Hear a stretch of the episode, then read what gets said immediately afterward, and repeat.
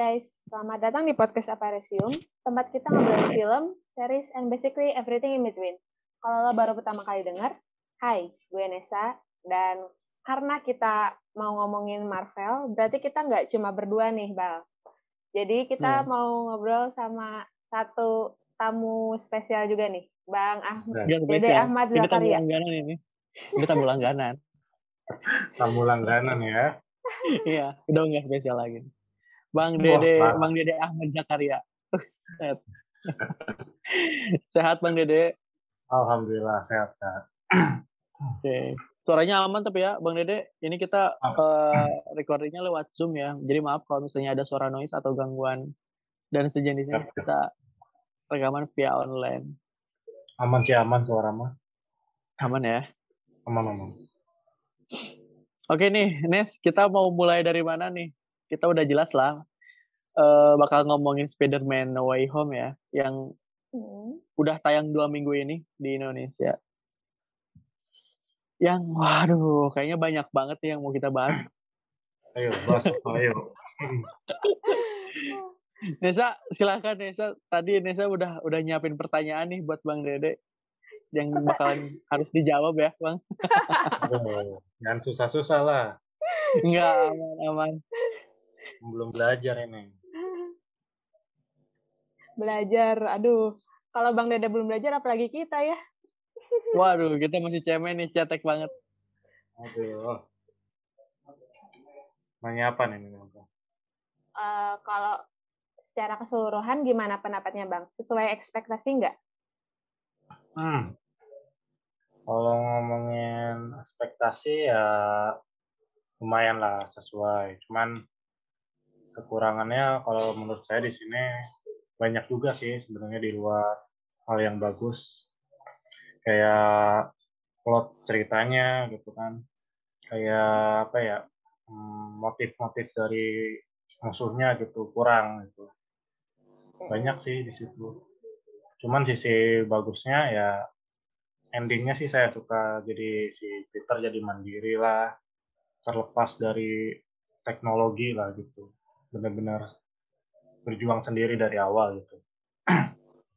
Itu sih. Oh, saya. Seperti itu ya bang ya? Hmm. berarti bisa diartikan film Spider-Man yang ketiga ini sangat di bawah standar daripada uh, film Spider-Man yang sebelumnya dong? Dua film sudah sebelumnya? Uh, terlepas dari fan service-nya, iya. Oh, berarti fan service di sini sangat membantu ya? Iya, benar. Oke. Okay. Ini fan, fan service yang wah, harapan gua banget asli. Iya, ini cuman keangkat sama fan service-nya sih kalau nggak ada dua hal itu udah ini film biasa aja sih. Meskipun lebih okay. bagus sedikit lah dari film kedua gitu. Uh, yang Far From Home ya? Iya, iya. Bener, sih, sih. Kalau lu, Nes, gimana secara keseluruhan soal film Spider-Man No Way Home? Gue malah suka. Hmm. Ini tuh malah kayak kayaknya uh, jadi salah satu film favorit di MCU malah okay.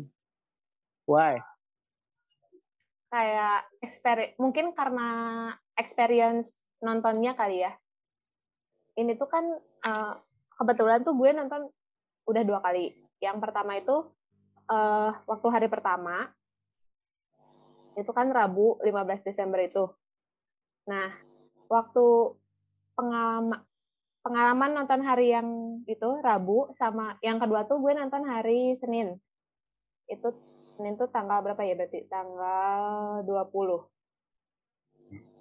Bedanya tuh kerasa banget sih. Padahal dua-duanya studionya penuh dan sengaja ngambil jam sore juga gitu. Tapi kalau waktu hari pertama tuh happy banget gitu. Mungkin karena orang-orang yang nonton itu fans MCU atau fans Spider-Man-nya langsung ya. Uh, euforia penontonnya asik banget gitu. Banyak teriakan, banyak tepuk tangan, banyak ya heboh gitu penontonnya. Sedangkan waktu yang hari Seninnya kayak sepi aja gitu nggak tahu beda beda banget. Kalau kalian gimana di studio kalian? Mungkin Nes yang apa ya pas lu nonton Senin itu mereka orang-orang yang sama nonton yang kedua kalinya. Jadi mereka juga di bosen ya bosen. Iya jadi sama ya kayak lu kurang lebih. Jadi mereka juga diem karena udah tahu juga Bang Dede ada ada kesan unik ya pas nonton experience ini pas nonton di bioskop tuh. Bang Dede kan nonton dua kali juga kan yang hari ya, pertama. Dua kali, dua kali. Jam pertama kan yang spoiler itu tuh yang kampret. Iya, jam pertama. yang dipancing-pancing buat spoiler ngomong juga akhirnya. Aduh, kesan. Pas, pas, pas nonton hari Rabu tuh Bang, Bang Dede kan ngambil jam pertama banget ya. Itu penuh nggak sih? Penuh, penuh banget, lumayan itu di Cikampek ya tumben-tumben hampir-hampir sampai bawah sih itu. Hmm, kan kalau di Cikampek kan studionya kecil tuh sama kayak di PWX jadi nggak dibatas gitu kan nggak ada disilang-silang. Hampir hmm. penuh. Oh. Di sini di sini udah nggak berlaku social distancing ya? Iya Cikampek PWX kayaknya nggak ada ya. Kalau gue tuh pertama nonton tuh bareng sama teman-teman uh, sebenarnya mereka nggak terlalu ngerti ya, nggak terlalu ngikutin soal MCU. Cuman dari beberapa temen ini yang gue ngambilnya dari sudut pandang temen gue ya. Yang satu dia tuh asalnya nggak nggak tertarik sama sekali sama MCU, tapi setelah nonton Spider-Man, yang dia lakuin sekarang tuh dia nonton film MCU dari awal, dari Iron Man, Thor. Terakhir gue cek dia udah nyampe Captain America. Wih. Yang Civil War. Hmm. Ya, mantap, itu gara-gara Spider-Man. Yang satu gue nggak terlalu tahu tuh dia apa tapi yang satu lagi dia tuh sebelumnya sebelum nonton Spiderman dia nonton Tik Tik Boom yang ada Garfield. Nah setelah nonton ini dia sempat nanya kemungkinannya ada nggak sih Andre Garfield muncul di sini? Gue udah tahu dari Bang Dede udah dibocorin nih. Tapi gue supaya dia nikmatin gue bilang juga nggak tahu. Gimana? Lihat nanti aja lah pas nonton. Pas nonton Andre Garfieldnya keluar dia benar-benar teriak dong. Dia cewek kan benar-benar teriak terus, terus dia pas setelah nonton nonton Spiderman pas keluar bioskop nanya uh, tolong dong kasih rekomendasi lagi film Andrew Garfield yang lain gitu. Jadi dia tuh fokusnya bukan bukan ke filmnya tapi ke Andrew Garfield gitu. Oh, dia ini kali aktor favoritnya kali ya. Bisa jadi kayak gitu. Andrew Cuma Garfield emang jadi white boy of the month tau. Benar benar benar bisa jadi sih. Cuman yang kalau yang gue rasain ya gue juga nonton juga dua kali. Yang pertama itu emang bener-bener kaget seru dan bener-bener yang sesuai sama sama gue inginkan gitu. Meskipun gue hmm. udah tahu juga sebenarnya ada tiga.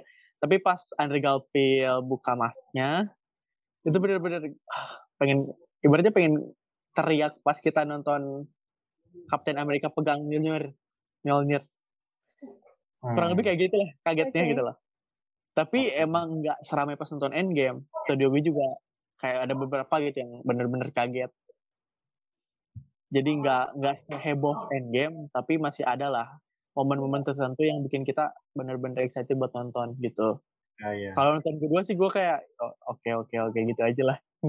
Karena emang udah tahu juga kan filmnya kayak gimana. Kalau kalau scene-nya Matt Murdock pada rame nggak? Eh uh, kayaknya kalau di PW kayak bang mereka lebih nggak tahu sih kayaknya tempat modok itu siapa. Hmm. Nggak tahu ya. Kalau hmm. di studio aku rame sih, rame. Yeah. Jadi kayak ada rame, jadi kayak bisik-bisik gitu loh. Oh gitu, jadi nggak sampai wah kaget beneran pas lihat Andre Garfield atau si Tobey Maguire kan. Pas meluruk mereka lebih kayak bisik-bisik aja gitu. Mereka kayak masih ragu-ragu itu siapa gitu mungkin hmm. kayak ngeliat orang yang pernah mereka lihat cuman lupa itu siapa. Ya mungkin gitu ya. Tapi waktunya kayaknya kurang buat Murbruk ya di situ. Ya namanya juga cameo.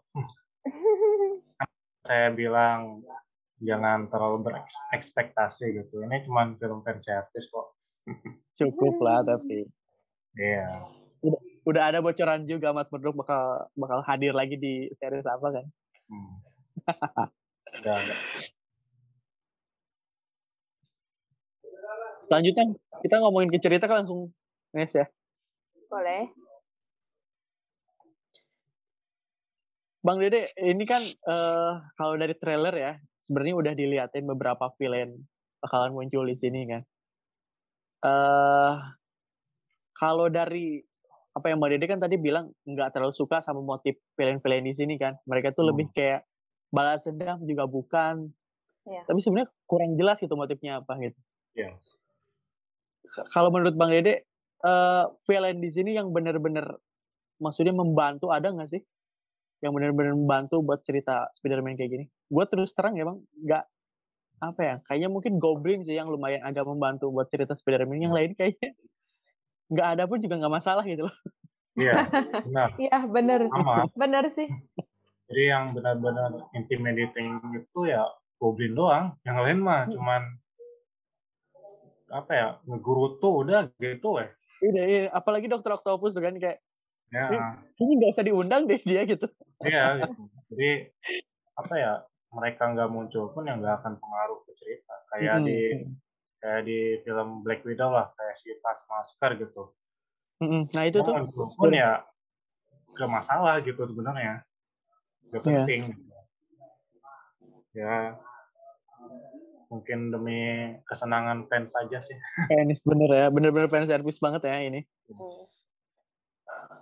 Uh, gue tuh nggak kerasa pas Goblin sebelum motif aslinya keluar ya gue tuh ngerasa ini film Spider-Man bener cuman segini doang nih maksudnya. Goblin yeah. jadi baik gitu loh. Si siapa? Norman kan? Norman Osborn. Bener-bener cuma segini doang gitu loh. Apa masih ada gitu? Ternyata kan dia masih membelot kan menjadi Goblin yeah. alter egonya dan lumayan serunya mungkin ke situ ya pas adegan-adegan setelah itunya nah sebelum yeah. sebelum sampai ke situ kayaknya kita nonton kayak ini bener film Spider-Man cuma segini doang nih. Iya. Cuman buat menghibur kita kita doang.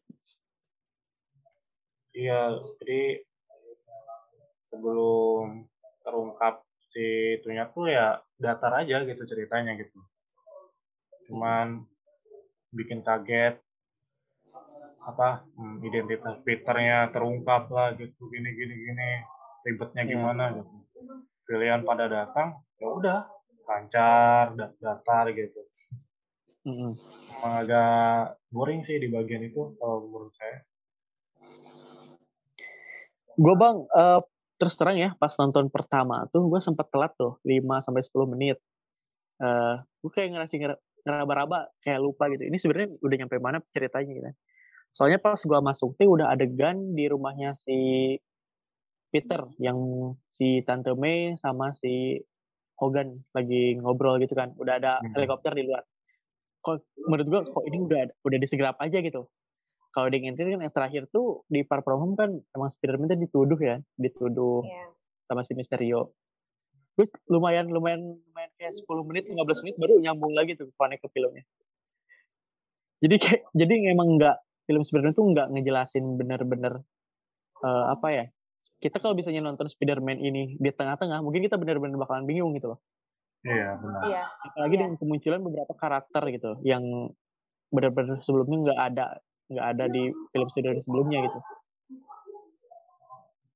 Nah, iya, jadi ceritanya tuh benar-benar nggak ada sangkut pautnya sama yang sebelumnya gitu. Jadi cuman 10 menit awal aja sih identitasnya terungkap. ya, udah gitu aja gitu aja ya uh -huh.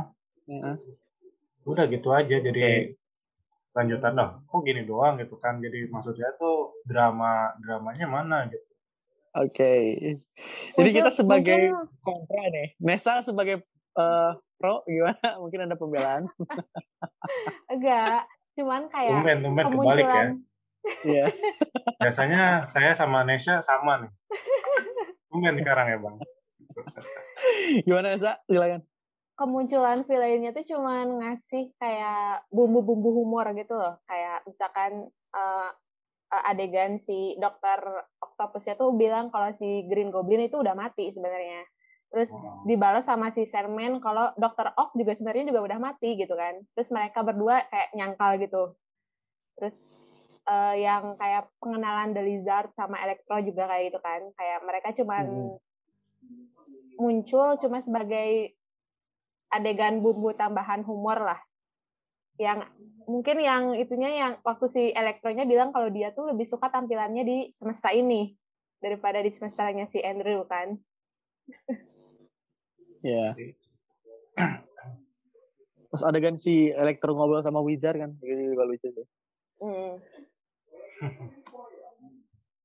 Iya, iya. Itu kalau dari si sisi villainnya sih. Ada nggak sih villain, villain yang lu suka nih? ya si Green Goblin doang. iya ya. So, soalnya sempet baca interviewnya kan, katanya si Willem Dafoe tuh uh, dia mau meranin lagi karakter si Green Goblin kalau dia yang melakukan semua adegan berbahayanya. Jadi dia nggak pakai oh, stuntman. Nggak pakai Iya. Yeah. Padahal dia umurnya udah 60 berapa kan?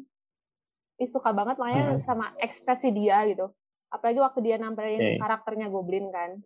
Kayak jago banget bikin kita percaya kalau dia tuh emang punya kepribadian ganda gitu. Betul betul.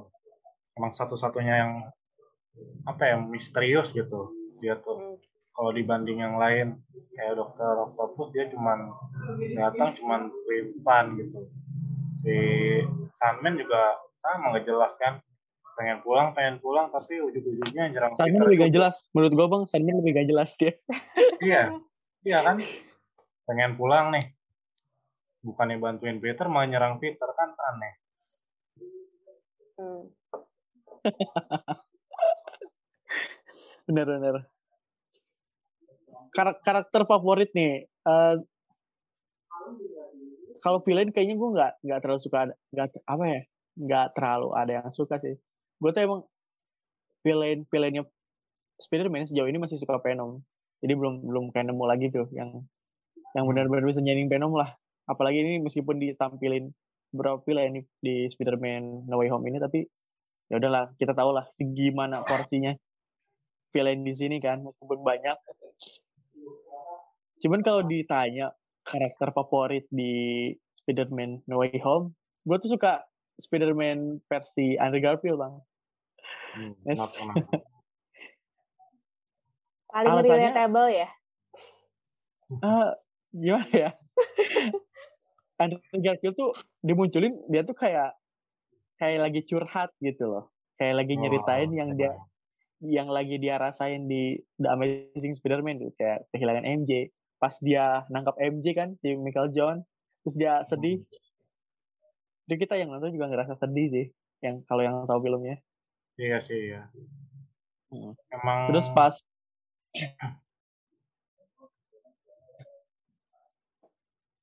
ya lanjut lanjut lanjut terus dia juga juga dilihat sering ngomong gitu kalau dia tuh sebenarnya butuh saudara gitu buat saling saling apa ya saling bertukar pikiran pengen punya adik kakak buat teman ngobrol gitu. Kan sempet bahas kayak gitu. Nyampe dia kan juga nawarin diri buat ngebantuin sakit pinggangnya si Peter Toby Berguri kan sebegitunya ya, maksudnya mungkin Emang... mungkin Bang Dede kita setelah ini harus menggerakkan The Amazing Spider-Man harus ada film ketiganya aduh berat berat berat Itu sih. Kalau lu nih siapa karakter yang lu suka di Spider-Man No Way Home ini? Kan tadi udah dijawab si Green Goblin. Enggak, enggak ada yang lain nih. Gak mau ganti nih. Enggak ada, enggak ada tambahan. Kalau Bang Dede? Uh, kalau saya suka ada beberapa sih. Peter, Tom Holland, pas endingnya itu benar-benar bagus sih development karakternya gitu pas tahun Mei meninggal gitu. di situ benar-benar dia berubah cara berpikirnya gitu lebih mandiri lah jadi bagian itu saya suka sih Green Goblin juga pas pas scene di kondominium itu loh yang tadinya fun gitu kan lagi bikin teknologi pas Peter ngeluarin instingnya tuh di situ langsung tiba-tiba mencekam gitu kan Iya. Yep. Kalau Goblin muncul kan, loh. bagus sih situ.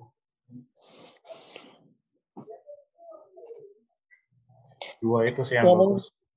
So soal ending nih bang ya. Gak apa-apa lah kita kita loncat-loncat ya. karena biar yeah. nyambung. Ngomong ending, ini tuh kan endingnya diceritain kalau si Peter Parker versi Tom Holland ini dilupain sama seluruh dunia ya, sama superhero pun termasuk. Iya. Yeah. Uh, kalau dengar kabar rumor gitu, Tom Holland ini kan udah perpanjang kontrak, dia bakal meranin lagi sebagai Spider-Man. Cuman nggak tahu dia bakalan masuk dunianya Sony atau MCU. Udah ada kabar belum sih? Tetap masih lanjut sih. Di MCU ya. Nah, hmm. kemungkinannya ada nggak sih Spider-Man ini dia bakal jadi anti-hero? Hmm, tergantung Venom masuk nggak? Lihat itu di mid credit scene-nya kan ada itu, ada simbiot yang simbiot itu yang tertinggal ya. Uh -uh. Ya sih. Itu bisa jadi. Man, bisa jadi untuk Venom, bisa jadi buat agent Venom bisa. Itu apaan bang? Agent Venom kan itu yang apa? Yang alter egonya jadi si Flash Thompson itu loh. Hmm. Iya, jadi dia kayak semacam anti-hero juga sama sih sebenarnya. Mm -hmm. Jadi agent Venom. Kalau silsilahnya dari keluarga Venom ya, sebenarnya nih uh, semua yang berbentuk kayak Carnage, terus ada beberapa lagi yang lain, itu emang awalnya itu dari Venom gitu, dari simbiot Venom. Iya emang. Jadi mereka tuh kayak salah satu simbiote yang tertinggal dari Venom. Jadi kalau dilihat di medicine di, di medicine-nya uh, ada simbiote yang tertinggal gitu loh dari Venom, itu bisa jadi bukan Venom gitu loh. Kayak Karen ya, itu kan kayak anak. Kan, mm -mm, jadi anaknya. Ya, jadi bakal kan kayak di film Venom yang kedua tuh. Si Carnage aja nganggap kalau Venom itu ya bapaknya gitu. Mm -mm. gitu. Hanya bagian kecil dari simbiot ah, yang sebenarnya. Iya. Yang tujuannya membunuh ayahnya. nah, tujuan dari simbiot itu ya beda-beda gitu. Ada ada banyak ya bang ya tipe-tipe uh, jenis-jenis simbiot itu. Cuman oke okay lah kita nggak ngomongin Venom dulu di sini. Back to Spider-Man. Ada nggak sih dari uh, apa ya kejutan-kejutan yang ditampilin di Spider-Man No Way Home yang menurut kita fan service banget? Ada nggak sih yang kita harapin selain dari itu yang nggak kesampaian di sini bang? Atau lu nih? Ya? mungkin ya, dari gua dulu ya gua tuh agak sedikit berharap gua udah berharap Spider-Man ada tiga tapi gua berharap ada Spider-Man versi Miles Morales tuh. Hmm. Wah, itu kejauhan kayaknya. Kejauhan uh, ya. Oke. Okay. Tapi kan kemarin kemarin tuh si Electro tuh nyeletuk gitu kan kalau uh, hmm. si Andrew tuh kan katanya dia berasal dari Queen terus dia baik lah kayak gitu kan. Hmm. Tapi dan what dia berharap ya dia kira dia black gitu kan si Spider-Man hmm. gitu. Nah, terus nah pas adegan itu langsung pada teriak tuh di studio aku tuh wah pastinya ada kemungkinan Miles kan jadinya. Yeah. Kayak ngasih harapan aja kali ya. Iya. Itu bener, gue juga sempat berharap pas ada sedikit singgung, ah nggak apa-apa lah mungkin cuma sedikit atau kamu lewat doang nggak apa-apa. Yang penting dimunculin gitu. Tapi ternyata enggak juga sih. Ah, ya udah oke, okay, oke. Okay. Kita masih Belum harus menonton kali. animasinya. Mana ada nggak yang kira-kira pengen sebenarnya diharapin tapi nggak nggak muncul di sini nggak ada sih saya malah ngarepin yang tiga Spider-Man itu jangan terlalu dibikin wah gitu jadi kasihan gitu buat Tom Hollandnya gitu ini kan iya. film ketiga bisa dibilang trilogi penutup lah gitu harusnya hmm. ya semua hmm. tentang dia gitu bukan hmm. yang lain dan sayangnya ya film ini kebantu dua orang itu gitu lah yeah. Jadi agak sedikit lah ya filmnya gini doang itu. Untuk endingnya bagus lah gitu. Oh, Lenes gue gue belum kayaknya belum denger nih. Lu sebenarnya suka nggak sih sama ending filmnya? Suka, suka. Gue tuh sukanya suka. karena uh, ya kan awalnya kita udah tahu kalau uh, banyak villain dari semesta lain. Terus ya, mm -hmm. terus kita juga tahu uh, dia kan minta tolong ke si Doctor Strange. Dia ngerecokin sampai akhirnya mantranya gagal. Itu kan itu semua kita udah tahu di trailernya. Tapi film ini tuh untungnya tuh kayak bukan cuma tentang kejadian multiverse doang gitu. Tapi ini juga kayak ajang pembuktian diri kalau si Peter Parker itu sebagai seorang superhero gitu jadi ini masih film coming of age oke okay, ya yeah. soal kelabilan remaja ya ya betul Nah, saya ngarepinnya itu ya tetap yang dieksposnya itu kelabilannya dia sampai dia benar-benar mikir gitu. Mm-hmm. Oh, ini tuh salah gua bla bla bla. Tapi sayangnya yeah. dia terlalu dipus dibantu lah gitu sama cameo-cameonya gitu. Mm-hmm. Kalau misalnya gitu Bang Dede berarti oh, termasuk penonton yang setuju si Peter nggak kenalin dirinya lagi ke sini sama Samuel Jones. Iya. Sedih sih bang. Kenapa sih anda tidak setuju sama yang Tapi kayaknya nggak akan deh. Mungkin nanti kan ceritanya kan si Ned sama si MJ tuh kuliah di MIT tuh. Sedangkan si Peter kan belum tentu kan. Soalnya kita lihat uh, ada buku tes GA, GED itulah. Terus uh, kemungkinannya kan dia miskin ya. Dia bukan kemungkinan sih emang miskin gitu dia ya kan hmm, terus dia nggak punya siapa-siapa lagi gitu kan dia udah nggak yeah. punya koneksi sama Iron Man happy kayak gitu kan dia udah nggak punya gitu jadi kemungkinan hmm. dia mungkin kuliahnya juga belum tentu dia bisa masuk kuliah MIT kan Iya, betul. Jadi bisa aja nanti kenalan sama si Harry Osborn. bisa. Berarti, berarti uh, yang tadi gua tanyain, lu setuju juga kan? kalau si Peter nggak kenalin diri sama Michael Jones semenit. Iya. Oke, okay. Bang Deddy juga setuju ya? Iya, soalnya setuju gini, soalnya kan ini udah trilogi lah. Udah hmm. apa ya, masa-masa sekolah SMA-nya udah berakhir lah gitu. Jadi masuk ke kuliah tuh harus ada hal baru gitu. Jangan hmm. ya sama aja bohong lah kalau mereka apa ya kenalan lagi gitu. Ya itu itu lagi kan circle-nya kan sama aja bohong. Iya benar. Oke. Okay. Berarti uh, kurang lebih kita sama-sama sepakat ya Spider-Man ini cukup memuaskan meskipun sebagai uh, apa ya? Sebagai kita mungkin benar-benar pecinta MCU juga yeah. enggak ya. Yeah. cukup puas lah ya. Dari yeah. keseluruhan, Bang Dede kasih nilai berapa nih buat Spider-Man Way Home? Uh, ya 8 lah cukup 8. 8 per 10. Kalau ini Sembilan. Sembilan. Gue ngasih nilai sembilan juga, Pak. Oke, okay, uh, eh, kita bakalan break dulu ya buat uh, yang dengerin.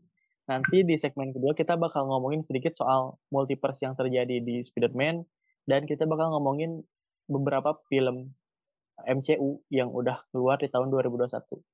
Atau kita bisa dibilangnya pas keempat ya dari series dan film kita bakal sedikit korek-korek soal itu. Oke. Okay.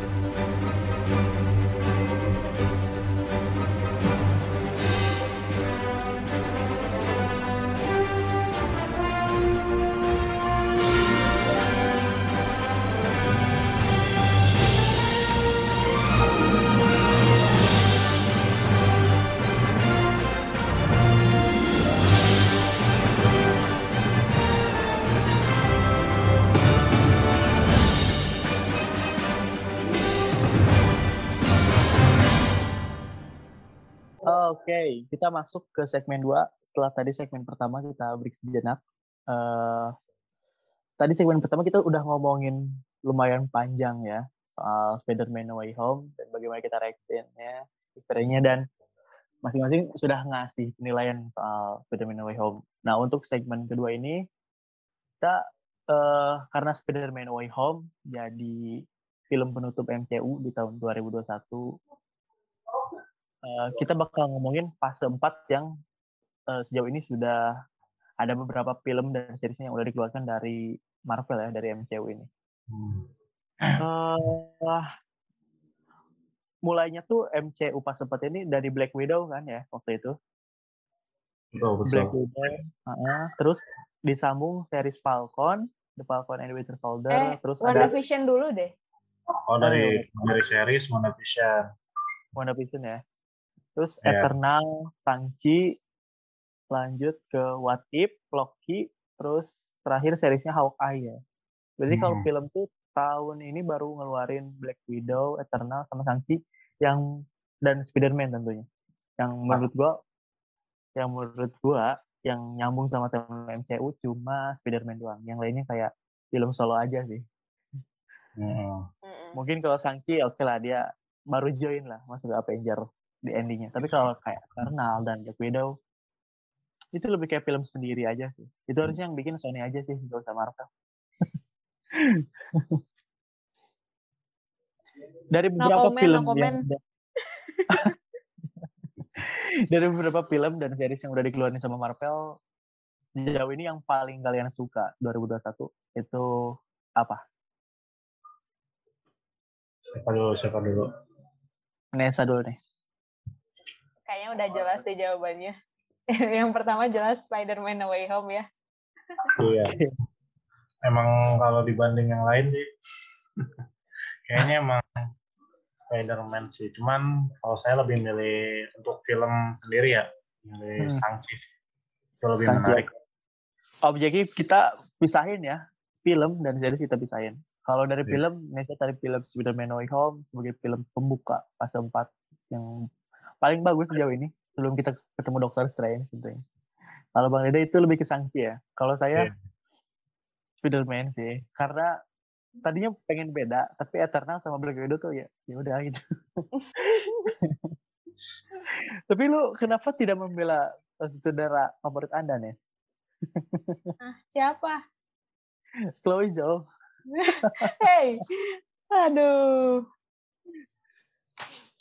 Enggak deh, sejauh ini masih Spider-Man. Oke. Okay. Kalau seriesnya, hmm, What If, uh, Falcon and Winter Soldier, dan Loki, dan Hawkeye terakhir, itu mana yang paling kalian suka? Aku WandaVision. Oh, WandaVision. Kamu Dede? Apa ya? WandaVision sih kayaknya kalau series yang lain kayaknya terlalu ini ya mainstream gitu sih ceritanya. Loki yeah. agak beda, memang cuman ujung-ujungnya sama juga sebenarnya. Yang Loki membuka gerbang, Loki membuka gerbang. Yeah. Open gate, open gitu di situ. Kalau menurut nah, aku tuh gimana? Yang bikin yang bikin WandaVision tuh kayak reaksi penonton terhadap si Wandanya itu loh yang beda banget.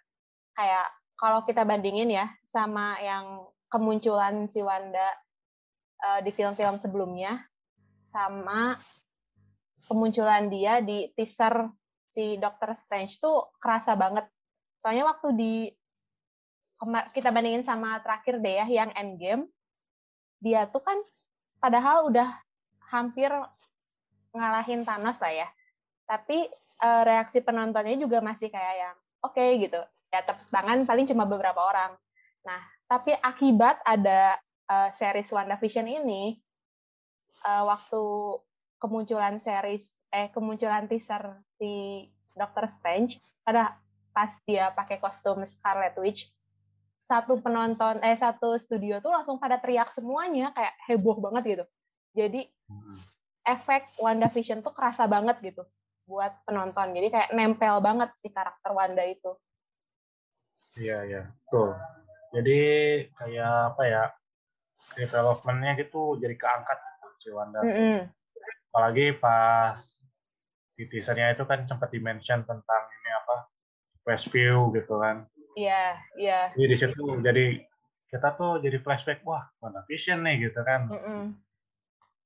Ya sih, setuju setuju. Kalau dibanding series yang lain, mungkin selain WandaVision emang yang paling membuka gerbang untuk film yang Marvel selanjutnya mungkin Loki ya kalau what if kita bisa menyimpulkan itu kita anggap sebagai hiburan untuk kita kita aja ya sebagai fan service yang nggak mungkin terjadi di dunia MCU sebenarnya. Tapi sebenarnya stereotip itu Tapi harus itu dipecahkan. loh. Hah? Iya. Tapi itu canon. Nah, iya. Tapi stereotip itu harus mungkin bisa terpecahkan setelah kemunculan Doctor Strange ini, bang. Bener nggak? Iya. Yeah. Ya. Kalau di Hawkeye, kalau aku ngelihatnya ya Hawkeye itu kayak nonton series Natal aja sih. Iya, film keluarga itu. Iya. pakai kekerasan doang. Iya, bedanya cuma ada sedikit action dan benar-benar mukul. Tapi happy banget bawaannya nonton itu tuh. Ya, Gak betul. nyangka gitu loh. Itu kan kelihatannya kayak ya series paling santai lah ya. Tapi ternyata hmm. malah suka. Apalagi kalau dibanding Falcon itu lebih bagus sih apa pembawaannya. Iya. Oh ya. Falcon Falcon kayaknya kalau misalnya di list mungkin ada sejauh ini ya. Ada di posisi paling bawah sih Falcon. Sama. Iya. Sama-sama. Kayak apa ya? hype hype awal doang sih. Jadi habis nonton episode satu tuh ya udah turun terus. Hmm. Menuju ending Kalau yang lain kan saja. Kayak datar-datar pas mau ending itu diangkat ya. Kayak misalnya yeah. contoh mungkin kalau di HI kemunculan kemunculan pimpin kayak gitu contoh-contohnya. Kalau di eh di Falcon yang di Calder itu kayak ngasih kejutannya terlalu awal, terlalu dini bang. Hmm. Mungkin itu kembali lagi ke kreatif-kreatif sutradaranya ya, terserah mereka sih sebenarnya. Nah, setelah kita ngomongin fase 4, beberapa film dan series yang udah keluar ya, uh, ini untuk proyek-proyek Marvel ke depan yang paling dekat kan tentu saja ada Doctor Strange ya. Multiverse of the Darkness. Set. Ngomongnya aja udah agak belibet nih. Multiverse of Madness. Madness ya, bukan Darkness. Madness. uh, harapan harapan yang mungkin terjadi untuk kalian sebenarnya MCU ini ya. Kalau dilihat villain sebagai pengganti Thanos, itu kan belum jelas ya siapa. Apakah si siapa sih? Kang ya yang di Loki itu? Nah, atau benar-benar ada kemunculan Galactus kan nggak tahu ya. Nah, untuk membuka uh, villain utama yang bakal terjadi di film-film MCU selanjutnya dengan terbentuknya kembali Avenger baru mungkin dengan member baru. Apakah Dokter Strange ini akan membuka jalannya, Bang? Dan sebenarnya iya. yang diharapin jadi film utama kalau Bang Dede ya, terus terang aja ya, Bang. Siapa itu? Film utama. Apa ya? Agak bingung juga sih kalau ngomongin next Avenger gitu. Soalnya emang karena banyak banget gitu kan. Dan karena belum tentu semua masuk sih soalnya. Hmm. kalau kalau merepresentasikan dari komik aja bang. Merepresentasikan dari komik. Yang menurut bang Dede cocok gitu. Villain yang datang di saat kondisi uh, eh, MCU sedang kayak gini gitu jadi siapa sih yang pas hmm. kita omongin oh, oh. mungkin sekarang baru pertama apa ya baru-baru multiverse terbuka gitu. Kemungkinan kan kalau multiverse terbuka itu beberapa uh, anti-hero atau uh, villain yang ada di multiverse lain kan datang gitu. Nah itu kan beberapa kemungkinan yang mungkin aja terjadi kan ke depan. Hmm. Itu oh, gitu. Hmm, berarti Kang the Conqueror sih. Kang the Conqueror. Oke. Okay. Ya, Conqueror. Soalnya kan dia bisa time traveler juga variannya hmm. banyak bahkan hmm. salah satu variannya itu jadi Iron Land oh iya ya, yaitu jadi orang dari masa depan datang ke masa kita masih biasa aja gitu jadi manusia biasa cuman dia di masa depan tuh bilang kalau dia bakal jadi King the Conqueror gitu dan itu bener iya benar. Jadi dia pengen ngantiin dia di masa depan gitu. Jadi jadi dia kegiatannya biasa aja gitu, cuma nungguin doang. Jadi dia gantiin bisa jadi gantiin Iron Man sih sebenarnya. Gitu. Oh, okay. Jadi dia cerita ke teman-teman di Avenger kalau dia tuh di masa depan jahat gitu. Hmm, aneh juga ya motifnya ya? Iya, aneh. Mau memperbaiki itu kayak ceritanya iya. katanya. Iya. Ya, kayak gitu mungkin maksudnya. Oke, okay. kalau Nes, apa yang lo harapin? Masih buta banget. Masih buta banget. Oke. Okay. Kirain nggak, eh emang bang nggak akan yang itu apa sih? Celestial yang di Eternals itu enggak? Uh, itu mungkin masih bakal Jauh. fokusnya di Eternals yang kedua kayaknya. Oh. Itu kayaknya terlalu open power banget sih, Nis. Musuhnya. Iya, iya makanya itu kayak Tuhan Emang. banget lah. Ya, kita kan perlu perlu kayak Gambit kayak gitu, perlu hero-hero yang kekuatannya OP juga. hmm, ya sebenarnya basicnya kan emang celestial itu ya Tuhan lah kalau di dunia komik itu kan Tuhan. Cuman kan kalau di film itu kan derajatnya agak diturunkan mungkin biar gak kontroversi atau apalah. Hmm, Mm, Benar. Eternal sendiri kan ngambil referensi dari dewa-dewa Yunani kan. Iya. Gitu kan. Kayak gitu. Oke. Eh, ini bang, gue kemarin sempet lihat cuplikan dan ada orang yang ngasih masukan lah. Mungkin lebih ke teori ya. Kalau di teasernya dokter lihat dari beberapa opening Marvel Studios tuh, dari kayak X-Men, Deadpool itu diliatin opening di situ kan baru banget kan multiverse kayak banyak banget yang disatuin jadi eh, bikin kalimat Marvel Studios-nya beda banget lah kayak biasanya. Eh, mungkin gak sih multiverse dan Doctor Strange ini dia membuka gerbang buat hero-hero dari X-Men dari Century Fox lah kita ngomongnya. Mungkin, mungkin aja. Soalnya kan Fox sendiri kan udah punya Disney gitu kan. Emang kemarin di opening Marvel Studio-nya emang banyak logo-logo lama juga kan muncul Mm-mm. kayak gitu. Saya juga sadar sih pas nonton wah ada logo dari Fox nih gitu kan. Iya kan? Aku malah nggak nggak sadar loh. Nggak sadar. Ada Nggak merhatiin. logonya itu campur-campur dari zamannya 2010-an sampai yang X-Men ada sih. Oke. Bener-bener ah, eh, referensi dari Fox benar-benar dibawa ke Iya. situ ya. Jadi Ada kita ini juga sih. Ada rumor banget. desus Illuminati juga bakal muncul. oh gue nggak tahu sih bang Illuminati itu apa. Iya. Itu apaan? Aduh, wow, parah nih. Jadi kayak semacam Sekte. semacam Avengers tapi versi mini gitu lah. Jadi isinya itu kalau member utama ya Iron Man, Mister Fantastic, Doctor Strange gitu.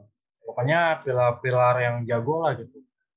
Dari hal science, mistis gitu. Jadi dia bersatu di situ. Tujuannya bang? Ya sama melindungi juga, cuman lebih ke hal mistis sama science gitu sih. Yang nggak bisa dijangkau sama manusia biasa gitu ya. Nah, ya, yang tidak apa ya, kalau logikanya yang nggak nggak ada logika gitu. Kalau untuk Avengers kan lebih ke fisik gitu, Mm-mm. ya gitu. Untuk ancaman-ancaman besar aja.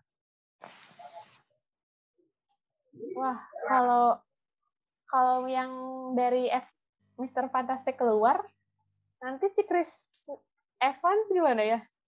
Dia kan Aduh, main di wah. F4 juga kan? Eh, film itu kan? Iya. Ah, ada request kali ya. Ada request kali ya. Masih request bang, Nes. Nggak nggak sebakal gitu juga sih Marvel. Request sih. Meskipun kita belum belum ada bocoran sama sekali ya, like, eh, siapa case-case yang bakal nanti muncul di Fantastic Four. Ya. Masih masih rumor lah. Nah, kemarin juga sempat ada yang ngedit, eh mungkin fans edit ya. Itu pas adegannya Spider-Man di lawan Goblin tuh di jembatan sebenarnya ada Deadpool juga. sebenarnya konyol sih, tapi gue pengen ngomong aja sih. Udah udah nggak sabar ya. Lihat-lihat full.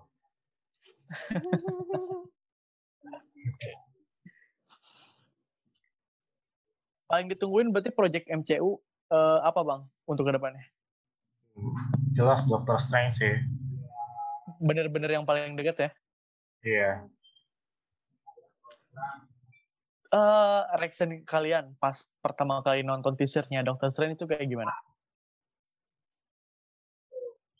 udah Oh, amazing, amazing. udah udah gimana ya? Heboh aja gitu. Padahal cuma Iya. muncul Wanda doang, tapi udah heboh. Kalau gue Nes, gue kayak nggak bisa menyimpulkan sesuatu pas nonton teasernya. Bener-bener Hmm. blank dan Iya.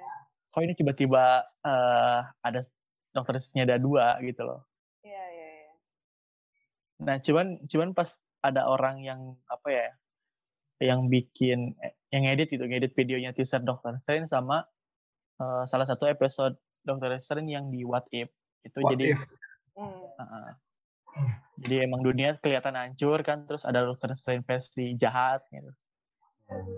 Tapi nggak tahu nih Marvel ini kan seringnya ngecoh penonton dari teaser dan trailernya yang pasti beda banget sama cerita aslinya. Jadi Tapi mau mungkin yang udah jelas tuh kan karena si Dokter Strange-nya jadi sad boy ya. Mm-hmm. ya makanya pasti kita langsung inget ke adegan yang what if itu. Di situ kan dia yeah. rela menghancurkan dunia demi cintanya kan. Cintanya, ya. Kayak Marv, kayak si itu kayak kayak bucin tingkat, Peter oh, bucin ya. banget lah gitu. kayak Peter Parker. Iya, iya. Tapi, tapi aku ngebantu juga.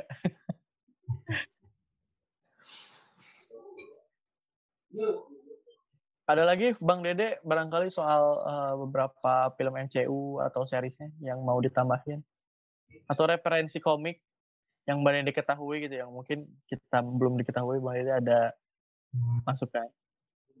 Apa ya kalau series buat tahun depan banyak sih cuman hmm. belum ada tanggalnya ya, belum ada bulan-bulannya yeah. gitu.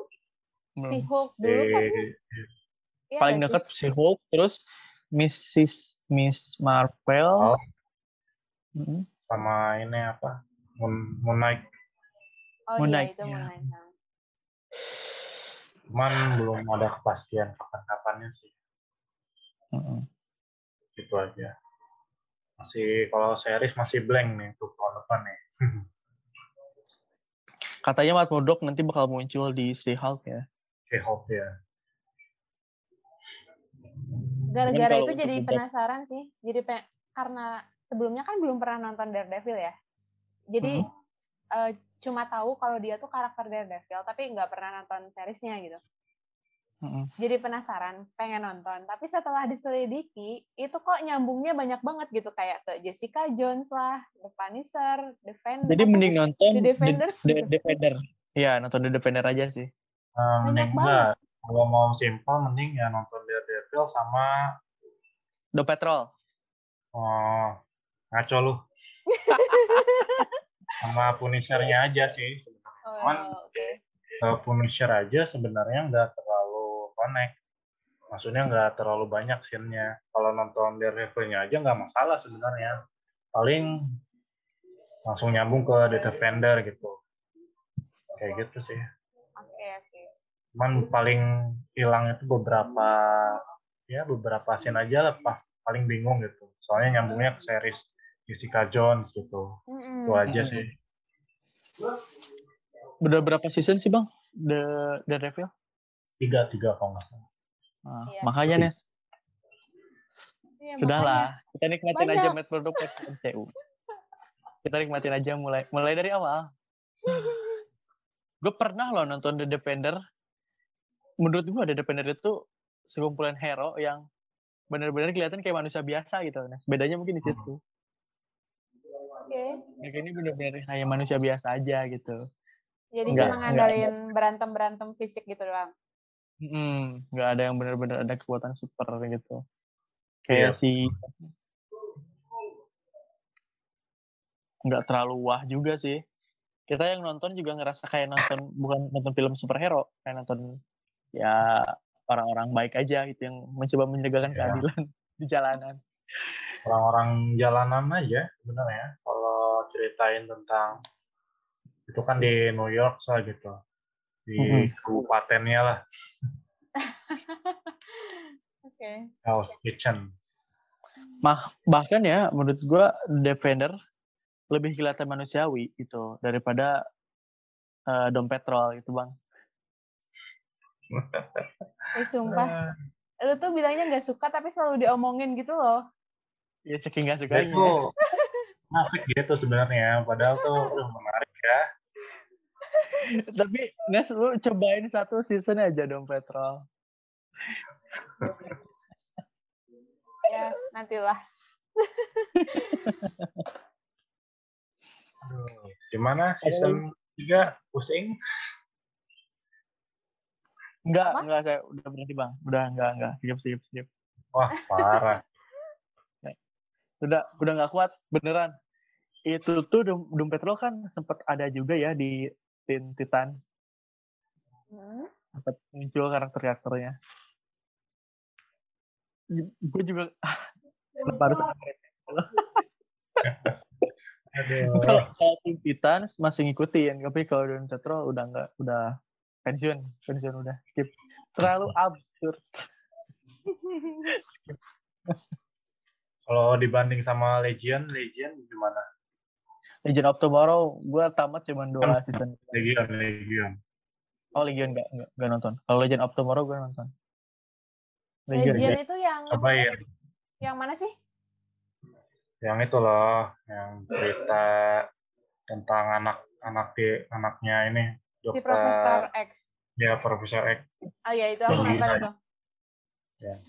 Nah, Doom, Ta- Doom Patrol itu ya kurang lebih kayak gitu, cuman lebih absurd. Oh oke. Padahal padahal power-power yang mereka punya ya di Doom Patrol menurut gue bagus bang. Tapi Iya. Emang Iya. unik. udah. Eh, eh, by the way ini ini jadi agak keluar konteks ya. Harusnya kita ngomongin pas empat. Iya, iya. Hmm. Ada lagi Nes? Bang Dede barangkali yang mau diomongin lagi soal pas 4 atau Spider-Man No Way Home yang belum tersampaikan atau yang mau ditanyakan ya ke Bang Dede, barangkali Bang Dede bisa menjawab. Di apa di langit multiverse ada karakter banyak. Iya. Oh iya itu itu kemungkinannya bisa jauh banget sih kayaknya ya. Apa Ah. ada apa aja coba yang lihat? Enggak, Nggak tahu. Enggak, enggak, enggak tahu sama Wah. sekali. Bang Dede apa? Parah. Kalau saya lihatnya Rino, Rino, si badak. Oh, yang badak. Ya. Terus hmm, project Sony ke depannya kayaknya sih Raven the Hunter. Oh iya. yang megang tongkat tuh. Mm-mm. Mm-mm. Sama saya Yang- ngelihat di belakangnya itu Enchantress kalau dari gerak-geriknya, cuman nggak tahu pasti apa enggaknya. Itu sih yang Enchantress- paling Iya, Enchantress tuh yang dari kok aku ingatnya yang dari DC ya? Marvel juga punya. Emang emang emang apa? Jurusnya apa? Enchantress tuh aku aku kira yang si Cara Delevingne itu. Iya, Beda ya, beda karakter. di sini ada kan yang sihir itu. Di Hmm, Marvel juga ada. Oh. Oke. Kekuatannya juga sama, hampir magic-magic kayak gitu. Oh, Itu dari, dari semesta dari semesta yang kemarin ditampilin ya. Dari semesta Spider-Man doang, Bang. Apa MCU? Hmm, saya sih cuman apa ya? Cuman merhatiin itu aja sih yang di apa ya di zoom close itu loh. Mm-mm. Kalau yang lain kayaknya ada beberapa juga sih yang di luar itu, di luar Sony itu. Oke. Berarti kalau misalnya eh benar kata Bang Dede tadi, kalau misalnya ini nggak jadi masuk ke MCU, mereka bakal jadi ya udah milik miliknya Sony gitu loh. Hmm. Iya. Nah, Sony kan udah berhasil sama Venom, terus nanti bakal ada Morbius juga kan. Tapi Morbius kayaknya universe-nya di. MCU deh. Serius Bang. So- Soalnya kan si Vulture di situ. Siapa? Vulture? Oh iya ya. Ya, Tapi kalau lihat di trailernya kok kayak itu juga kayak multiverse multiverse juga sih. iya sih kayaknya sih. Kayak ada Mungkin. posternya Spider-Man si Tobey Maguire-nya kan. Mm-mm. Terus yang Makanya bingung kan. Hmm. Banget nih.